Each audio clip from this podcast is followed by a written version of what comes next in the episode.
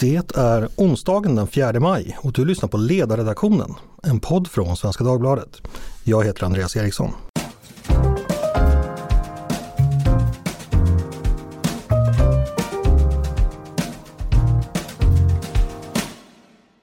Varmt välkomna ska ni vara. Det ryska överfallet på Ukraina har nu pågått i snart tio veckor. Under de här tio veckorna har Ukraina förmått stå pall än så länge trots att den ryska aggressionen hemfallit åt krigsbrott och terror. Vad sker just nu i kriget? Vad sker i Ryssland och vad kan vi förvänta oss ske framöver? Det ska vi tala om idag med min gäst som heter Anders Åslund. Välkommen hit! Tackar! Du är professor i internationell ekonomi och varit verksam i en lång rad länder som akademiker, rådgivare på olika tankesmedjor. När du beskriver dig själv på ledarsidan så eh, beskrev du under 40 år har jag ägnat mig åt ekonomiskt systemskifte, främst i Ryssland, Ukraina och Östeuropa, men även i Sverige och EU. Om ni planerar systemskifte kommer jag. Det är du det. Eh, min första fråga är, du skrev ett gästinlägg på, på ledarsidan förra sommaren. Eh, då löd rubriken Planerar Putin en ny attack på Ukraina? Eh, frågetecken. Svaret visade sig vara ja, det gjorde han. Varför angrep Putin Ukraina? Vet vi det? Ja, det tror jag att vi vet. Putin behöver krig för att hålla sig vid makten. Och eh, krig har två positiva funktioner för honom. Det ena är att han kan öka repressionen hemma. Det andra är att hans popularitet stiger. Eh, det finns fortfarande ett eh, rätt självständigt opinionsundersökningsinstitut i eh, Ryssland, Levada-centret. Och det visade att Putins popularitet som normalt har legat runt 60 procent steg till 88 procent under kriget i Georgien 2008 och det steg igen till 88 procent när han annekterade Krim och nu är den uppe i 83 procent. Emellan så har den varit nere i 60 procent. Så Putin vet att krig är eh, populära, därför vill han ha krig. Och jag betonar det här att det inte är fråga om Ukraina, det är inte fråga om NATO. Utan eh, det är att han kan ha krig och att det lönar sig för honom att ha krig. NATO är relevant i så måtto att Ukraina var inte med i NATO. Därför var det tillåtet för Putin att attackera Ukraina. Mm. Omvärlden reagerade ju på Rysslands angrepp med, att, eh, med sanktioner, precis som man gjorde första gången eh, eh Ukraina angreps 2014. Eh, jag tänkte vi ska prata lite om de här sanktionerna. Kan man på ett övergripande sätt berätta hur har de ekonomiska sanktionerna hittills drabbat Ryssland? Eh, de eh, sanktioner som sattes in i 2014 det var framförallt finansiella sanktioner som innebar att Ryssland inte kunnat låna eh, mycket pengar och eh, eh därför tvingats dra åt svångremmen.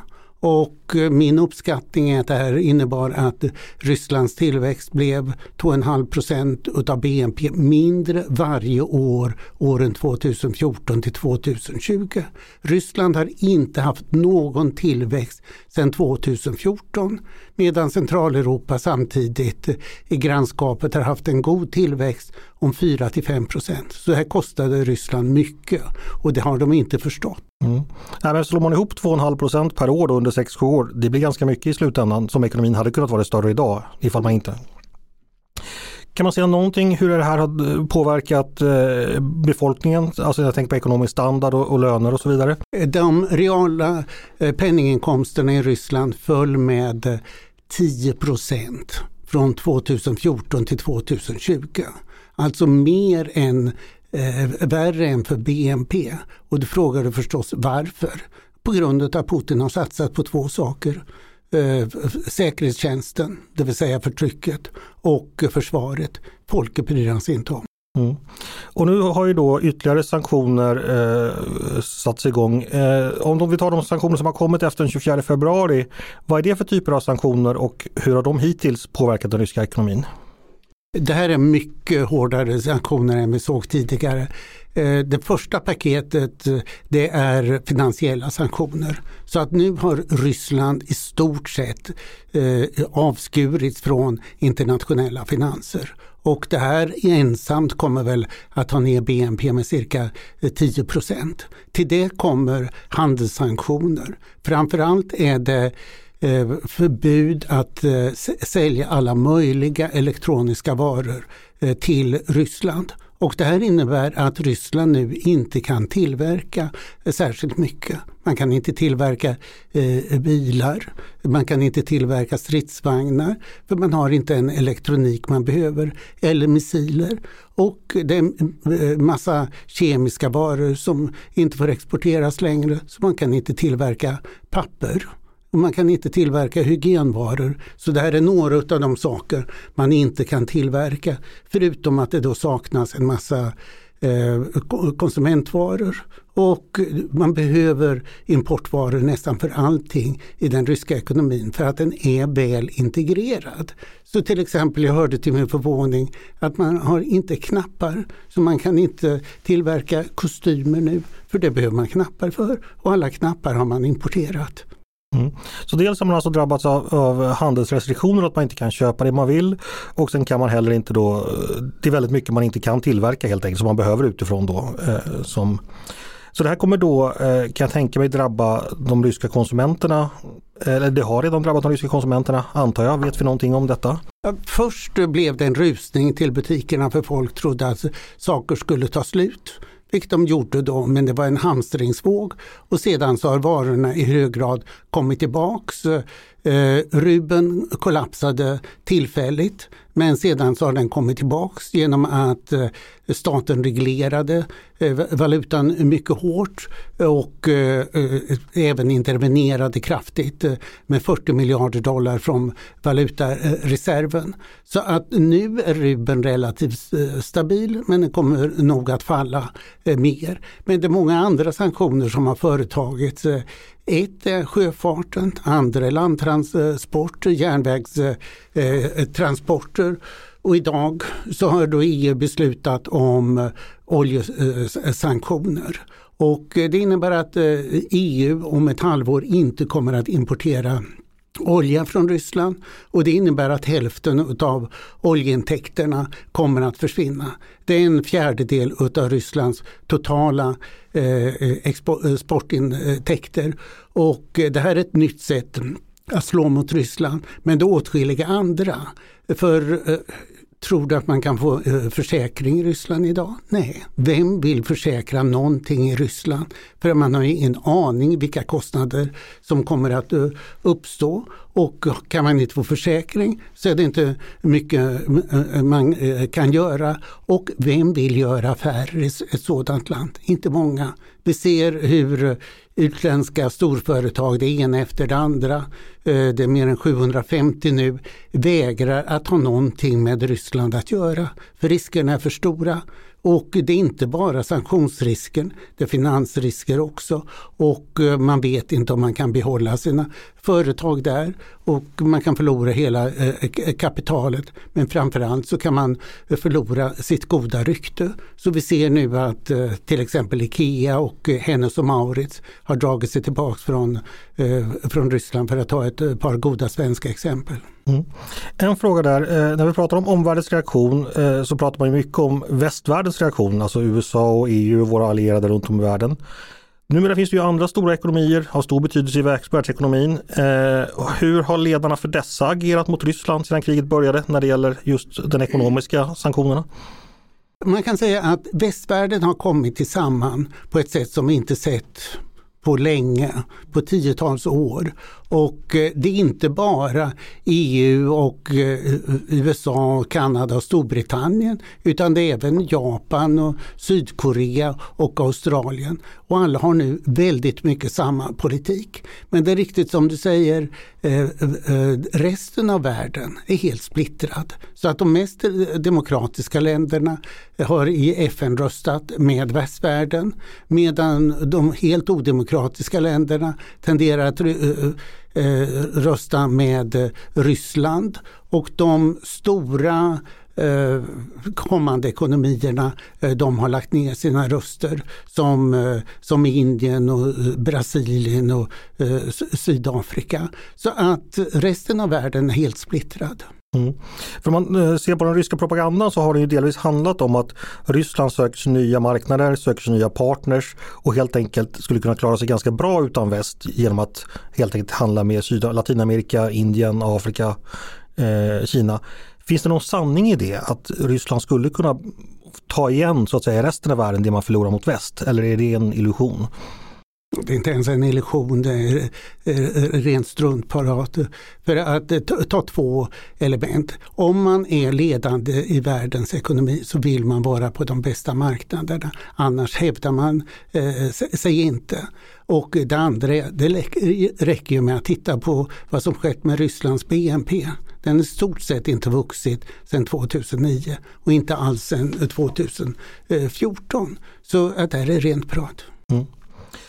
Eh, tror du att eh, Kreml, de hade antagligen räknat med, med, med, med sanktioner men har, de blivit, har så att säga, svaret från omvärlden blivit hårdare än man hade räknat med innan man beslutade sig, eller när man beslutade sig för att genomföra den här invasionen? Eh, absolut, jag tror att de räknar fel på alla avseenden och i hög grad är det väst som är skyldigt eh, till detta. För det här har man i västvärlden talat om gång efter annan, både politiker och journalister, att nu blir det riktigt stenhårda sanktioner. Och så blir det nästan ingenting alls. Så därför hade Putin eh, fått intrycket eh, väst är svagt och splittrat. Så det är ingenting att bry sig om vad de säger, de bara pratar. Och nu visar det sig att väst var samlat som vi ju alla är förvånade över och att väst agerar mycket fastare. Så att eh, eh, den här frysningen av centralbankernas, eh, centralbankens valutareserv det var en total förvåning för nästan alla och framförallt för den ryska centralbanken som då hade hållit sina reserver i olika västländer och så frös de allihop de, de ryska reserverna. Mm.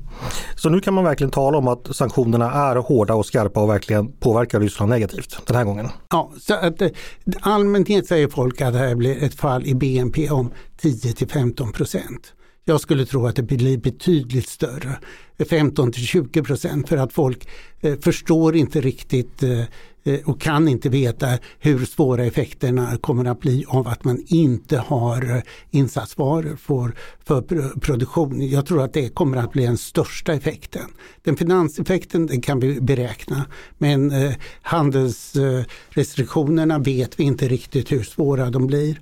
Och, men vi kan se att de blir bara svårare och svårare för att eh, det här är en spiral som alla har kommit in i. Eh, vi ser att EU antar det ena eh, sanktionspaketet efter eh, det andra och så kommer det att fortsätta. Mm.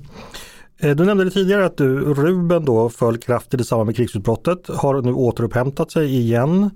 Eh, tack vare alltså att man har gått in och, och krävt, ja, dels att man kräver betalt rubel för sin olja, man går in och förbjuder att man, ja, en rad restriktioner kring detta som den ryska staten har gjort helt enkelt. Är det, så att säga, har det varit, ska man se det på pluskontot för Rysslands del eller är det bara något, något tillfälligt som kostar mer än det smakar så att säga? Hur bedömer du den situationen, just valutan? Eh, negativt. Det innebär att eh, rubeln inte längre är konvertibel.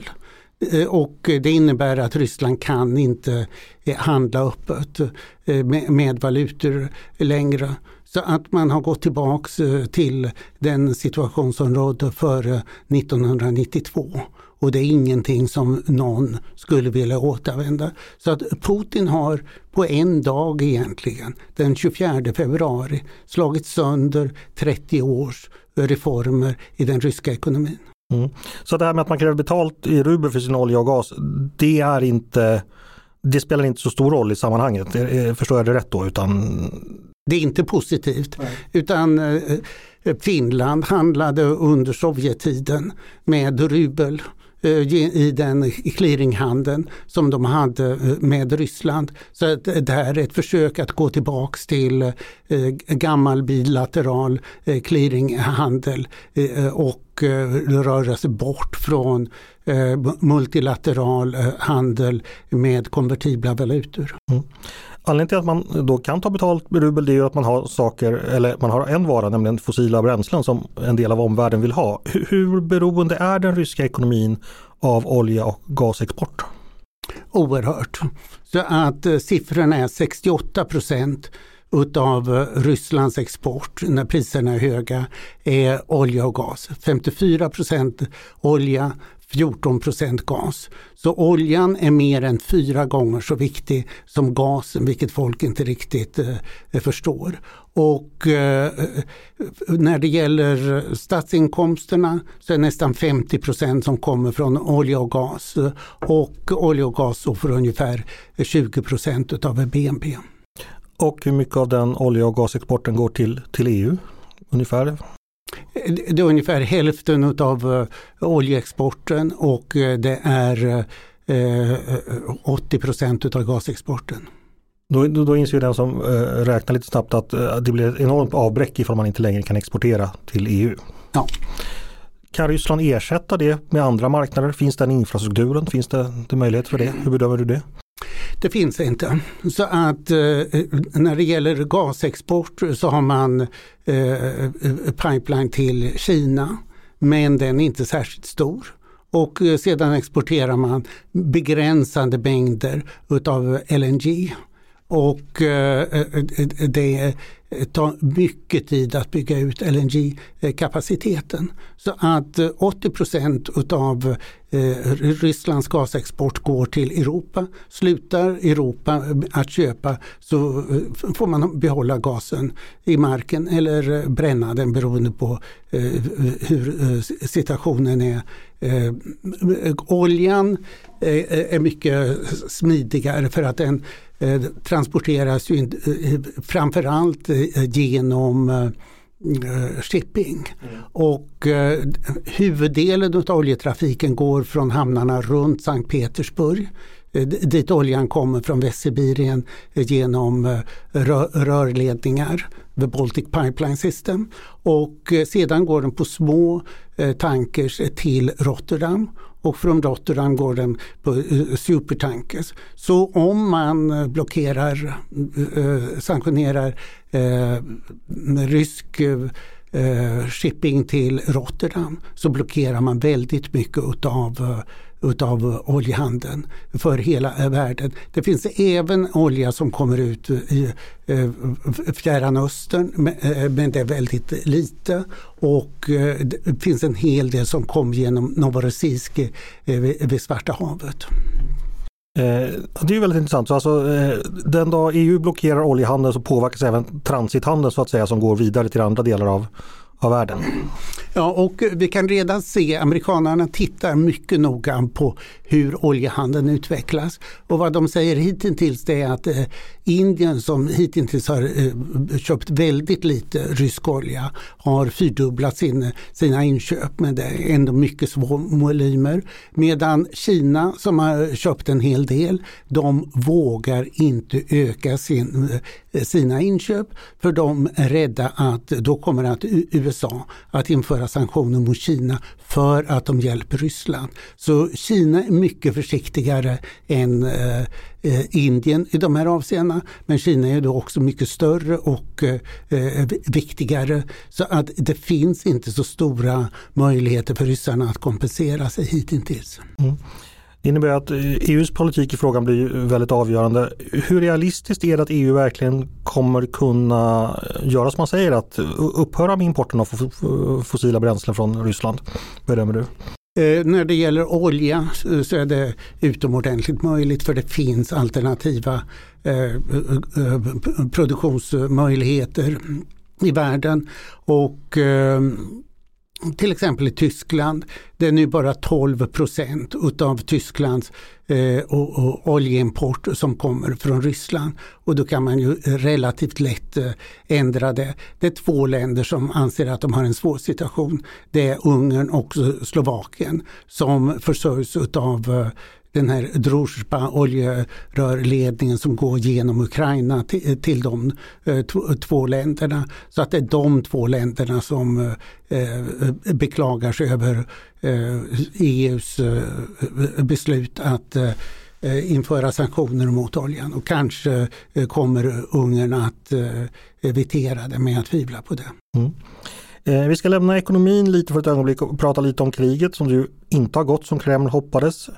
Förlusterna i liv och materiel eh, militärt är mycket stora för Ryssland. Hur eh, påverkar det Putins ställning? Du nämnde att han har fortsatt högt stöd i opinionen. Har man inte börjat förstå på hemmafronten vad som har skett eller, vad, eller har det tvärtom skapat starkare stöd för honom? Har, har du några tankar kring detta? Eh, ja, det, det, är många faktorer. Ett är att eh, information eh, eh kommer inte igenom i Ryssland. Eh, ryssen i gemen vet inte vad som sker i, i Ukraina. Och den ryska propagandan nu är värre än någonsin. Så att det är vida värre än det var under Brezhnev-tiden.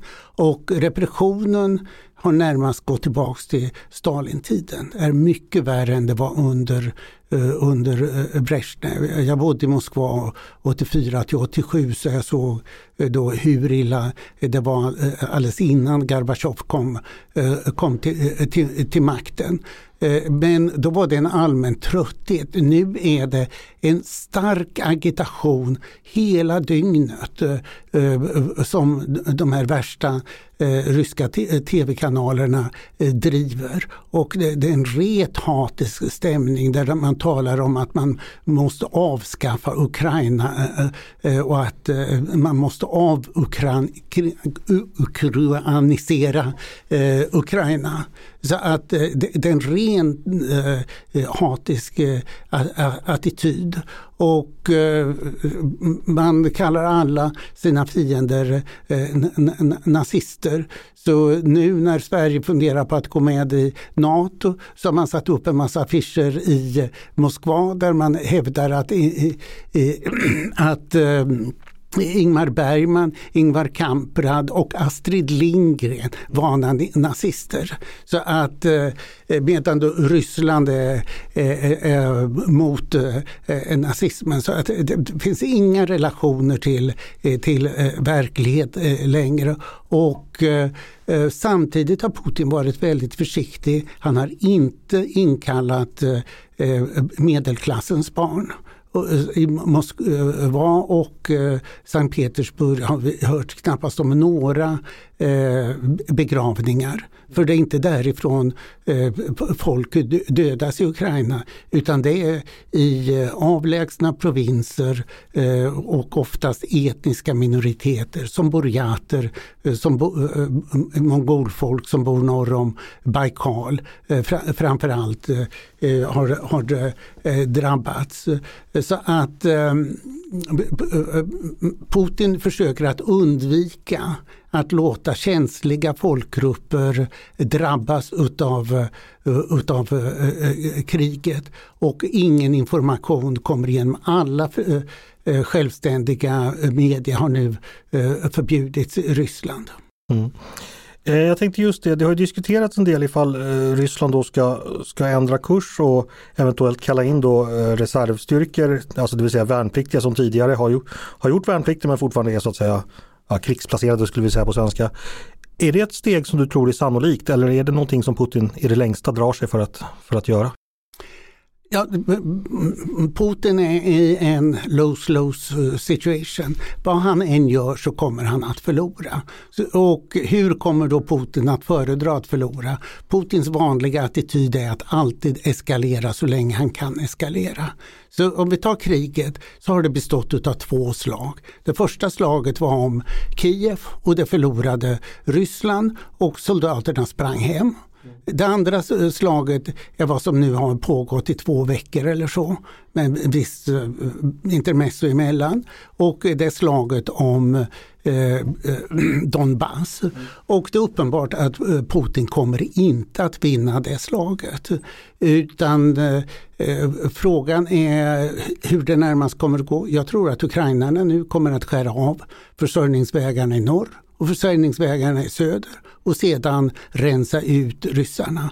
För att eh, eh, de ryska trupperna där är bara cirka 75 000 man. Det räcker inte och ukrainarna har 100 000 man. Så att ukrainarna är starkare, de har nu mycket bättre krigsmateriel genom att alla de här framförallt amerikanska eh, vapenleveranserna kommer och de har vida bättre soldater som är mer motiverade. Så jag skulle tro att ukrainarna kommer rensa ut ryssarna och jaga ut dem ur landet. Jag har alltså en mycket mer optimistisk eh, syn från Ukrainas eh, perspektiv än, eh, än de flesta har. Jag tror inte att ryssarna kan hålla sig kvar i Donbass.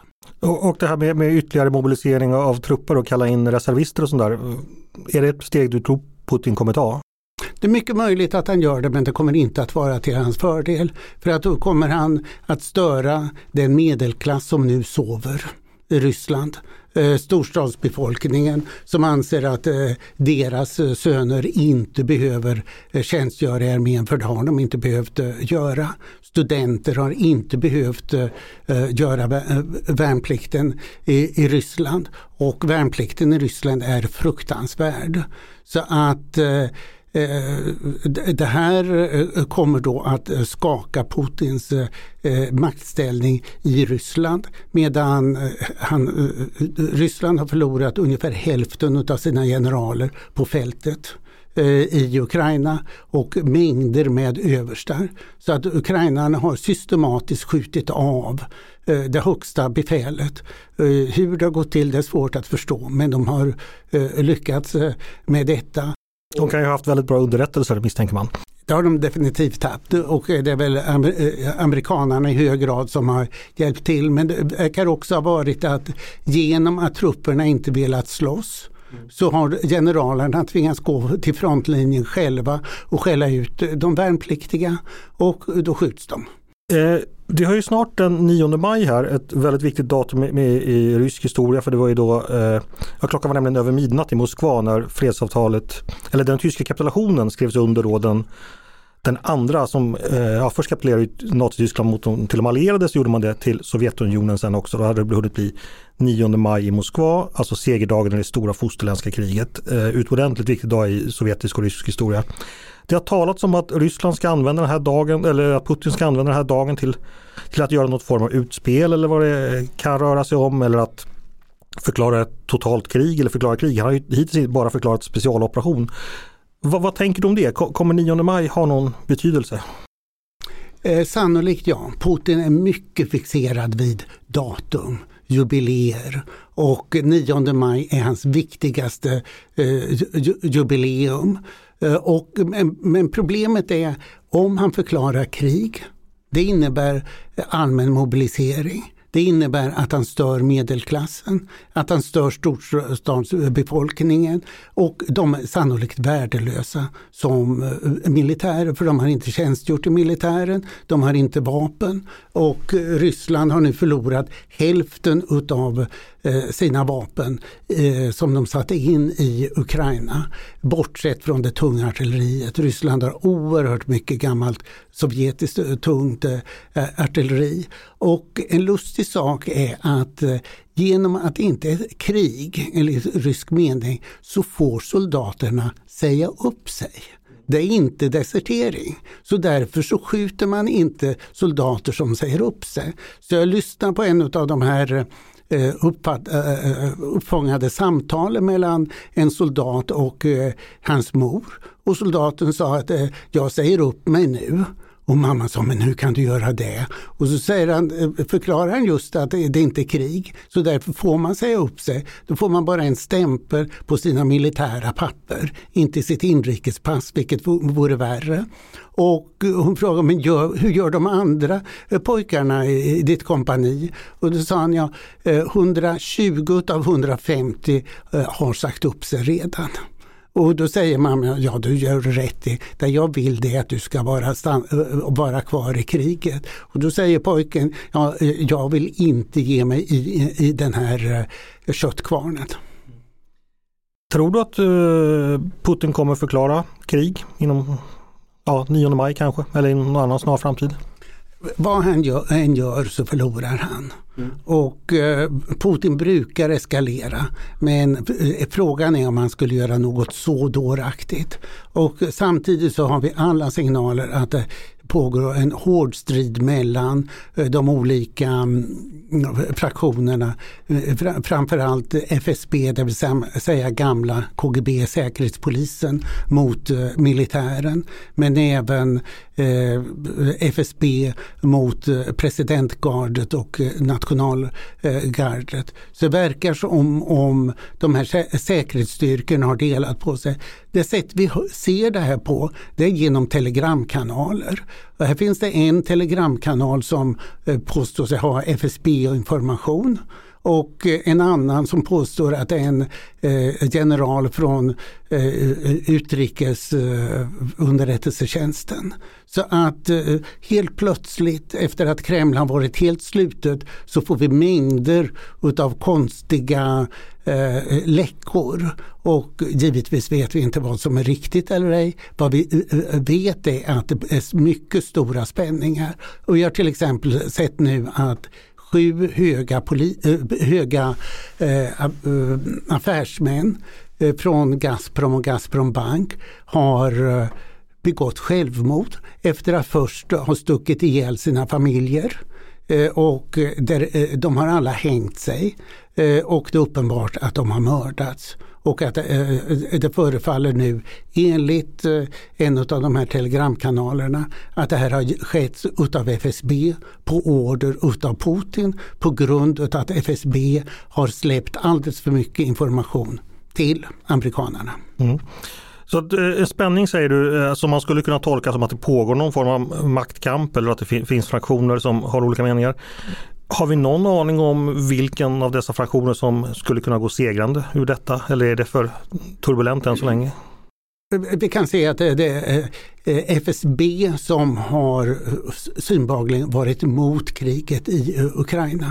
Eh, och eh, eh, synbarligen är det från dem som all den här informationen kommer om vad Ryssland håller på att besluta. För det här är inte bara signalspaning som amerikanerna haft. Utan vi, har ju nu, vi såg ju tre månader före kriget att president Biden och utrikesminister Blinken i stort sett varje dag berättade exakt vad ryssarna gjorde. Och eh, vi kunde se att det här var korrekt information som de eh, gav oss. Och det var, eh, och det var utav typen eh, man har inte beslutat än men man funderar på att göra.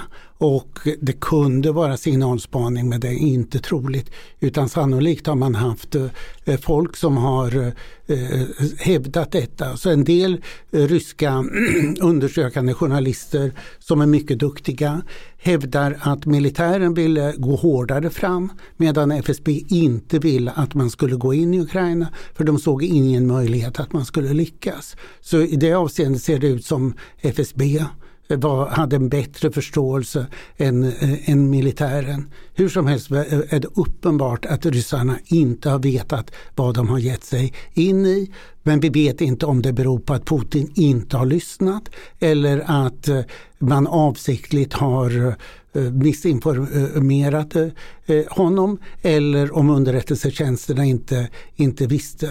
Jag skulle tro att han helt enkelt inte ville veta. Det är ju intressant att du säger att FSB skulle ha varit mot kriget. Putin har ju själv FSB-bakgrund, eller KGB-bakgrund. Det innebär då att han och eh, skulle vara på kollisionskurs lite med sin gamla organisation. Förstår jag dig rätt då? Ja men eh, så är det nog. Så att, eh, och det, det, har varit länge att FSB har varit starkare än Putin. Mm. Och eh, de personer vi talar om, det är då fyra av de tunga KGB-generalerna. De var generaler i KGB medan Putin var bara överstelöjtnant. Så att det här är, det är då fyra KGB-generaler i eh, säkerhetsrådet som eh, är allihop ungefär jämngamla med Putin, kommer från Sankt Petersburg och de lyckas mycket bättre i KGB än Putin och ändå så har han inte sparkat dem. Och det här är personer som talar till Putin med eh, som duar honom och talar, tilltalar honom med, med, med smeknamn. Mm. Och de har fått sitta kvar. Om Putin verkligen var eh, stark så skulle han ha sparkat de här, men det har han inte gjort. Eh, jag vet inte vilken mån du vill spekulera, men, men, om vi tittar lite framåt på utvecklingen just eh, när det gäller internt i Ryssland. Eh, vad tror du man kan förvänta sig att de här spänningarna resulterar i? Du kan säga generellt så är det två vägar som är öppna för Ryssland idag. Det ena är Putin sitter kvar och då blir Ryssland närmast Nordkorea. Det blir en riktig stalinistisk eh, diktatur som det är på väg att eh, bli nu men inte riktigt har blivit än. Eh, och det andra är att Putins regim kollapsar. Om det kollapsar så skulle jag tro att det sker rätt snart innan han återfått eh, eh, balansen. För det är då två stora slag mot honom. Det ena är att Ryssland har inte förlorat ett krig på detta sätt sedan det rysk-japanska eh, kriget eh, 1904-1905. Och följden av det blev revolutionen 1905 som ledde till Eh, Eh, att eh, Ryssland eh, valde inte helt demokratiskt en, en första duma. Så att det betyder mycket större frihet i, i Ryssland. Och det andra är att Ryssland nu kommer att få ett, en stor ekonomisk kollaps. Och det är svårt att se i någondera fallet att en president kan sitta kvar som har skapat de här situationerna helt på egen hand. Det fanns ingen anledning att eh, börja ett krig mot Ukraina annat än eh, Putins eh, maktbegär. Och det finns ingen anledning att åsamka Ryssland sådana sanktioner som Putin har gjort. Så han är i bägge fallen helt skyldig och det måste ju komma fram. Bara en fråga, den här besinningslösa propagandan som du, du, nämnde tidigare, alltså som riktas mot det ryska folket i form av tv-kanaler där man pratar om att detta är ett heligt krig för att besegra nazismen igen så att säga. Att den intensifieras nu under kriget, hur ska man förstå det? Vad är det man försöker vinna med att piska upp stämningen hos det egna folket? Vad vill man förbereda dem på så att säga? Jag tror helt enkelt att man vill ha en stenhård diktatur. Att det här är en stalinistisk typ av eh, propaganda. Eh, så att man får inte eh, tycka någonting annat. Och vi ser då även som jag nämnde den här eh, sannolika morden på eh, olika eh, affärsmän. Så att Ryssland har nu blivit en stenhård diktatur på ett sätt som den inte har varit tidigare. Och eh, Putin har helt slagit sönder allting gott som hade byggts upp i Ryssland från 91 på i stort sett en dag. Mm. Men samtidigt säger du att eh, Putin, har, det som talar emot honom då är att eh, ja, det ena är att kriget går väldigt dåligt för honom och det andra är ekonomin. Vad är det som avgör ifall han kommer kunna sitta kvar och genomföra den här eh, ja, extrema diktaturen du beskriver om eller om någon annan kraft kommer in och plockar bort honom helt enkelt. Vad, vad, vad avgörs det slutligen någonstans? Det är just det vi inte vet. Och om vi visste det så skulle Putin göra det och då skulle han rätta till det så att det inte blev fallet. Mm. Men generellt kan man säga att eh, folk, i allm eh, folk som har eh, insikt i det hela säger att Putins säkerhetstjänst FSO presidentgardet som har 50 000 man är så starkt och välbetalt och lojalt att de kan kontrollera allting som sker på högsta nivå. Att två personer i hög ställning kan inte ha ett privat samtal utan att de avlyssnas av Putins eh, Eh, eh, agenter. Så därför så tror den ryska oppositionen som är utomlands inte att någon eh, statskupp är möjlig. Jag är inte så säker på det. Och, utan de tror att om någonting sker så sker det från botten upp. Att spontana protester bland befolkningen, antingen över kriget men troligare att det har blivit så dåligt ekonomiskt att man inte står, står ut längre. Och det kan i så fall sprida sig vidare och därmed kan så att, säga, att det sätta igång en kedjereaktion som leder till maktförändring. Ja, så man tror att det snarast blir en spontan reaktion på grund av att ingenting kan planeras. Ungefär som 1980 när Solidaritet eh, bildades i i Polen och det var då hamnstäderna, stora industristäder som inte var eh, eh huvudstaden eh, som, eh, som reagerade och sannolikt blir det liknande i Ryssland i provinserna och efter detta så kan det bli reaktioner på högsta nivå.